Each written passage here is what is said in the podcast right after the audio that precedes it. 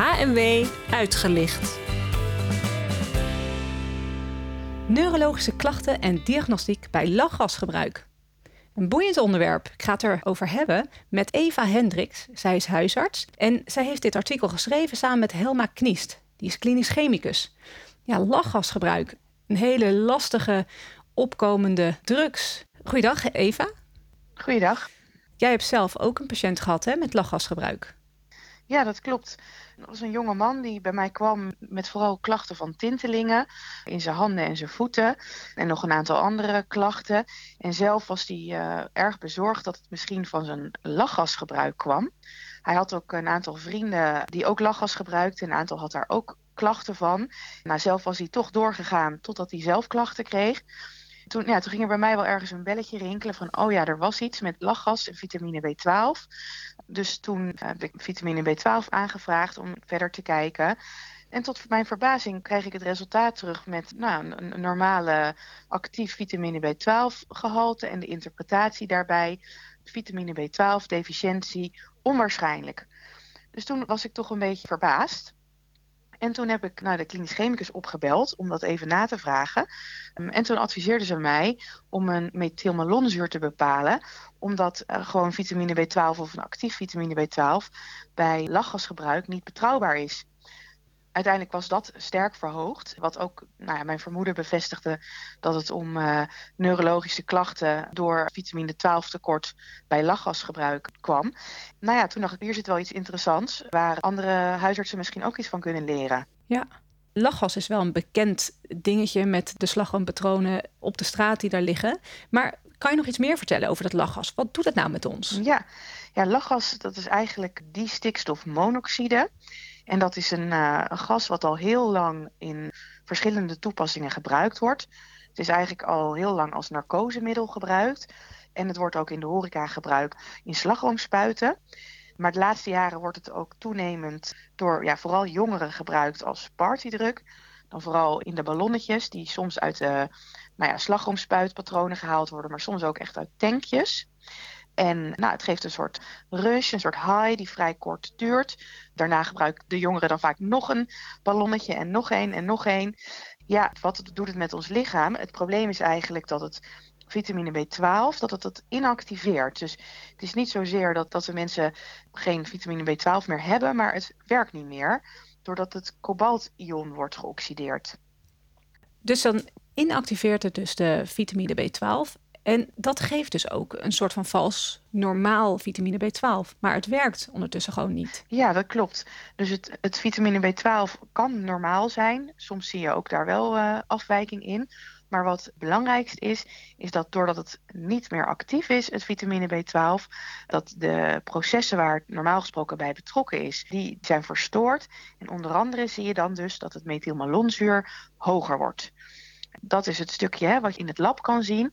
En het, het, stukje wat het met het lichaam doet, is eigenlijk dat het schade oplevert. Onder andere kan het schade opleveren aan neuronen, waardoor je neurologische symptomen krijgt. Maar het heeft ook effect op andere processen in het lichaam, waardoor je soms ook bij langdurig tekort een anemie kunt zien. Ja, dus als ik het kort samenvat, je hebt een heel mooi grafiekje in je artikel ook weer gegeven. Ja. Dat die vitamine B12 is dus nodig voor het methylmalonzuur om om te zetten. Dat vitamine B12, die labuitslag, daar kan je niet zo heel veel mee omdat het inactief is. En dat weet je niet, dat zie je niet in het lab. Maar omdat het dus inactief is en het methylmalonzuur niet meer om kan zetten, gaat dat op een gegeven moment echt stapelen. En dat is heel duidelijk te zien, hè, dat dat methylmalonzuur zo hoog wordt. Ja, dat is correct. En ik denk wel dat ik bij moet benoemen dat uh, vitamine B12 diagnostiek sowieso een ingewikkeld onderwerp is. Mhm. Waarbij er toch, ook zoals ook te lezen valt in het NAG-standpunt, er eigenlijk geen ideale marker is voor vitamine B12 tekort wat echt gevolgen heeft. Dus ook bij het methylmalonzuur is dat uh, soms een lastige interpretatie. Maar als je echt ziet dat methylmalonzuur meerdere keren verhoogd is boven de normaalgrens, ja, dan kun je er wel van uitgaan dat er echt een tekort is aan functioneel vitamine B12. Ja, En grappig genoeg gaan we daar ook in een podcast in deze maand gaan we daarop in met de onnodige vitaminebepalingen. Ja. Waar dat natuurlijk nu niet geldt. Hè? Dit is een vrij zinniger uh, ja. vitaminebepaling. Ik denk dat het ook belangrijk is dat de grote discussie over vitamine B12 altijd is over mensen met vage klachten. Maar daar hebben we het nu niet over. We hebben het over mensen die duidelijke neurologische klachten hebben. Ja. ja, want de neurologische klachten kunnen zijn bij deze, bij deze lachgasgebruikers. Kan je dat nog eens opnoemen? Uh, meest voorkomend uh, is tintelingen. Maar er is eigenlijk een heel scala aan neurologische symptomen die uh, op kunnen treden. En ook een scala in ernst. Want het kan beginnen bij tintelingen. maar er komt ook krachtsverlies, kan zeker voorkomen. En er zijn zelfs dwarslesies beschreven. Dus een heel scala. In het artikel gaan we ook verder in op de verschillende patronen die daar bij voorkomen.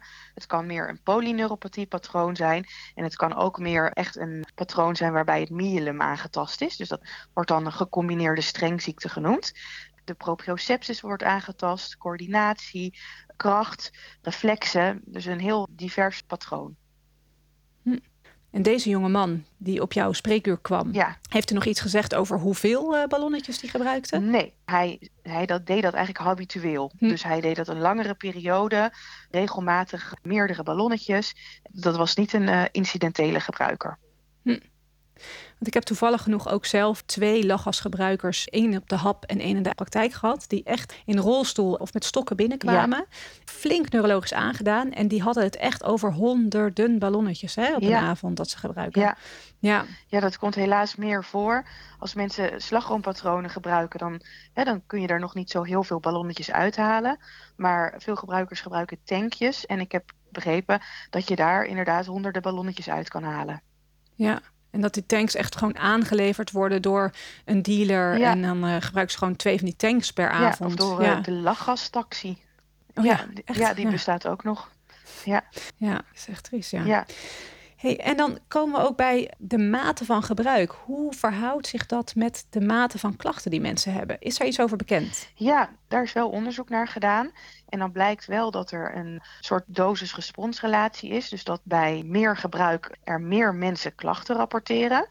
Aan de andere kant is het ook weer niet zo dat er echt een veilige hoeveelheid beschreven wordt, omdat het wel heel wisselend is. De mensen die klachten krijgen, hoeveel die gebruikt hebben.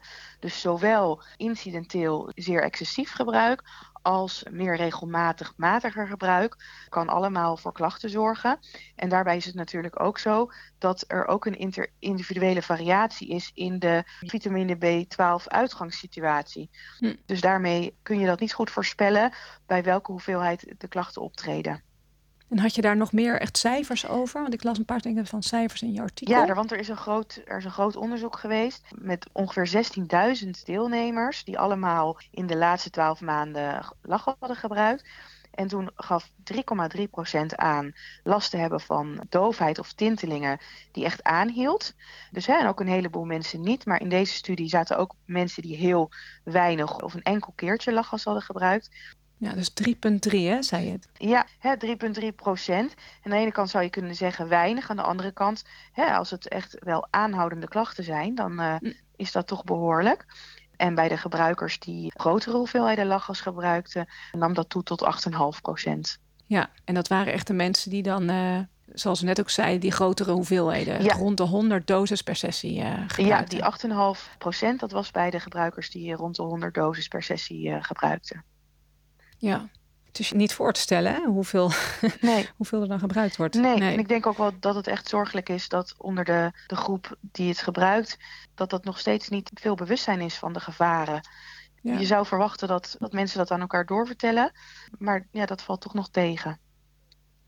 Ja, en het schijnt ook dat als mensen dan gebruiken en, en last hebben van de neuropathieën, om die pijn weer op te heffen, weer meer lachgas gaan gebruiken. Dus het wordt ook een vicieuze cirkel. Ja, en wat ook zo is, is er zijn ook wel mensen hè, die denken, nou, ik, ik ga dat echt nooit meer doen.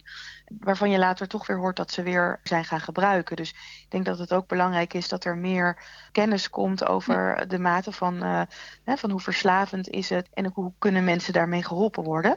Want daar is nu nog niet zoveel over bekend. En stel nou, hè, je hebt dus een patiënt voor je zitten die je verdenkt van lachgasgebruik en daar neurologische klachten van heeft. Hoe pak je dat als huisarts dan aan?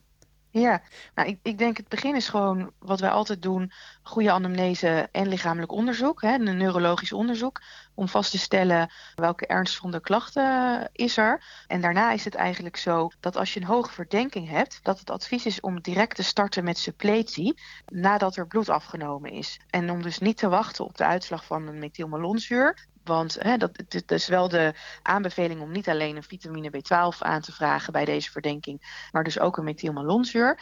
Maar dat duurt een aantal dagen. En om de prognose zo gunstig mogelijk te maken, is het verstandig om direct met suppletie te starten. En bij duidelijke of ernstige neurologische problemen is het advies om daar dan parenterale suppletie te starten. En dan zou je dus bloed kunnen laten afnemen en direct daarna de patiënt zijn eerste injectie kunnen geven. Vervolgens kan je dan in het lab zien of je vermoeden bevestigd wordt en uh, de suppletie voortzetten volgens de adviezen van de richtlijn polyneuropathie, bijvoorbeeld van de Nederlandse Vereniging van Neurologie. Die adviseren om uh, twee keer per week een injectie te geven, tien injecties. En om dan te evalueren hoe het staat met de klachten bij een duidelijke vermindering van de klachten of verdwijnen van de klachten, om nog met een lagere frequentie de suppletie enige tijd voor te zetten. En uh, ja, als, het, als de klachten nog niet duidelijk verminderd zijn, is het denk ik goed om, om bijvoorbeeld te overleggen met een neuroloog. En ja, het belangrijkste advies is gewoon om direct te stoppen met het lachgasgebruik. Want als je doorgaat met lachgas, dan daar kunnen eigenlijk de injecties niet tegen op. Nee, het maakt het gewoon weer inactief. Ja, het maakt het gewoon weer inactief. Dus het is ja. uh, water naar de zee dragen. Ja. Ja, ik heb toevallig in de aanloop van deze podcast had ik ook met een dokter gesproken die een uh, patiënt zag. En met de stintelingen en het verhaal van lachgasgebruik. Die heeft toen ook labonderzoek gedaan. En daar kwam dus inderdaad een vrij normaal vitamine B12 uit. En ja, die zijn daar toch verder op gaan, meer een afwachtend beleid uh, gehanteerd. En in het verloop van dat traject hebben ze uiteindelijk nog een methylmalonzuur aangevraagd. Maar hierbij zeg jij dus eigenlijk van meteen suppleren wel eerst bloed afnemen, maar daarna direct suppleren. Ja, zeker als je duidelijke neurologische uitval hebt, ja. dan is dat wel het advies. Ja. Omdat de prognose toch best wisselend is en er treedt vaak herstel op, maar er treedt niet altijd volledig herstel op. En het idee is dat uh, hoe sneller je dan adequaat behandelt, hoe beter die prognose wordt. Ja. ja, wat is die prognose? Ja, daar is niet een, een heel eenduidig eh, antwoord op te geven. Maar in de literatuur wordt beschreven dat bij adequate suppletie en staken van lachgas, dat bij toch de meerderheid de klachten duidelijk afnemen of volledig herstellen. Maar er is ook een paar maanden terug nog in de media een bericht verschenen over een enquête onder de neurologen in Nederland. En ongeveer twee derde van de ziekenhuizen in Nederland hadden daaraan meegedaan. En dan was toch in de laatste paar jaar waren er 64 partiële of totale dwarslesies die niet meer herstelden, die aan lachgasschade uh, gerelateerd waren. Dus ja, de prognose is zeker niet altijd goed. Ja. Ja. Wat daarnaast denk ik belangrijk is, is dat er wel meer bewustzijn is, maatschappelijk en in de politiek. Bewustzijn dat het een probleem aan het worden is en dat het een ernstige gevolgen heeft. Dus dat op dit moment de politiek bezig is met het maken van een wet die recreatief gebruik van lachgas verboden maakt. Het is natuurlijk een lastige situatie dat er ook normaal gebruik van lachgas is in slagroompatronen en in de zorg. Maar er is een conceptwet om te kijken of toch het recreatief gebruik aan banden gelegd kan worden. En hopelijk dat het probleem daarmee ook wat beteugeld wordt. Ja, ja nou dat is goed nieuws. En hoe ging het verder met jouw patiënt? Mijn patiënt was eigenlijk een patiënt van een collega. En er zijn een aantal injecties toegediend waarop eh, de klachten afnamen. Eh, helaas bleek het daarna wat moeilijk om afspraken te maken met deze patiënt. Hmm. En hij ook voor een aantal injecties niet meer komen opdagen. Is uiteindelijk in overleg met hem, omdat de klachten weg waren, is afgesproken dat dan maar zo te laten. Hmm. Ja, dat was nog niet eenvoudig. Ja, ja, dat is dan weer het lastige. Ja. Hey, we hebben nu vitamine B12 bij lachgas met name besproken. En ik zal in een podcast die hierop volgt zal ik met dokter Poenwasi zal ik het lachgas zelf bespreken. Wat kan je daar nog meer bij verwachten? Ja. Maar wat wil je nu samenvattend meegeven aan de huisarts? Ja, nou, het eerste is om alert te zijn op dit probleem. Uh, mijn patiënt die uh, kwam zelf met het lachgasgebruik. Maar je kunt je ook voorstellen dat er mensen zijn die uit schaamte dit niet vertellen. Dus dat je er actief naar vraagt als je klachten hebt die daarbij passen Dat is punt 1. Punt 2 is in de diagnostiek dat je moet opletten dat je een methylmalonzuur aanvraagt. En niet alleen een uh, vitamine B12 of een actief vitamine B12. En ik denk tot slot dat je bij een hoge verdenking best direct kan starten met vitamine B12 suppletie. Ook als je nog niet de bloeduitslagen hebt. Ja, parenteraal. Parenteraal. In principe bij lichte klachten zou je in theorie ook gewoon oraal kunnen behandelen. Alleen als je echt duidelijke neurologie hebt, is het advies om parenteraal te behandelen. Ja, dankjewel. We gaan hierna naar het lachgas, een druk met vele gezichten door dokter Punwazi. Eva Hendricks, dankjewel voor dit interview. Graag gedaan. Bedankt voor het luisteren. Kijk voor meer informatie op hnw.org en op huisartspodcast.nl.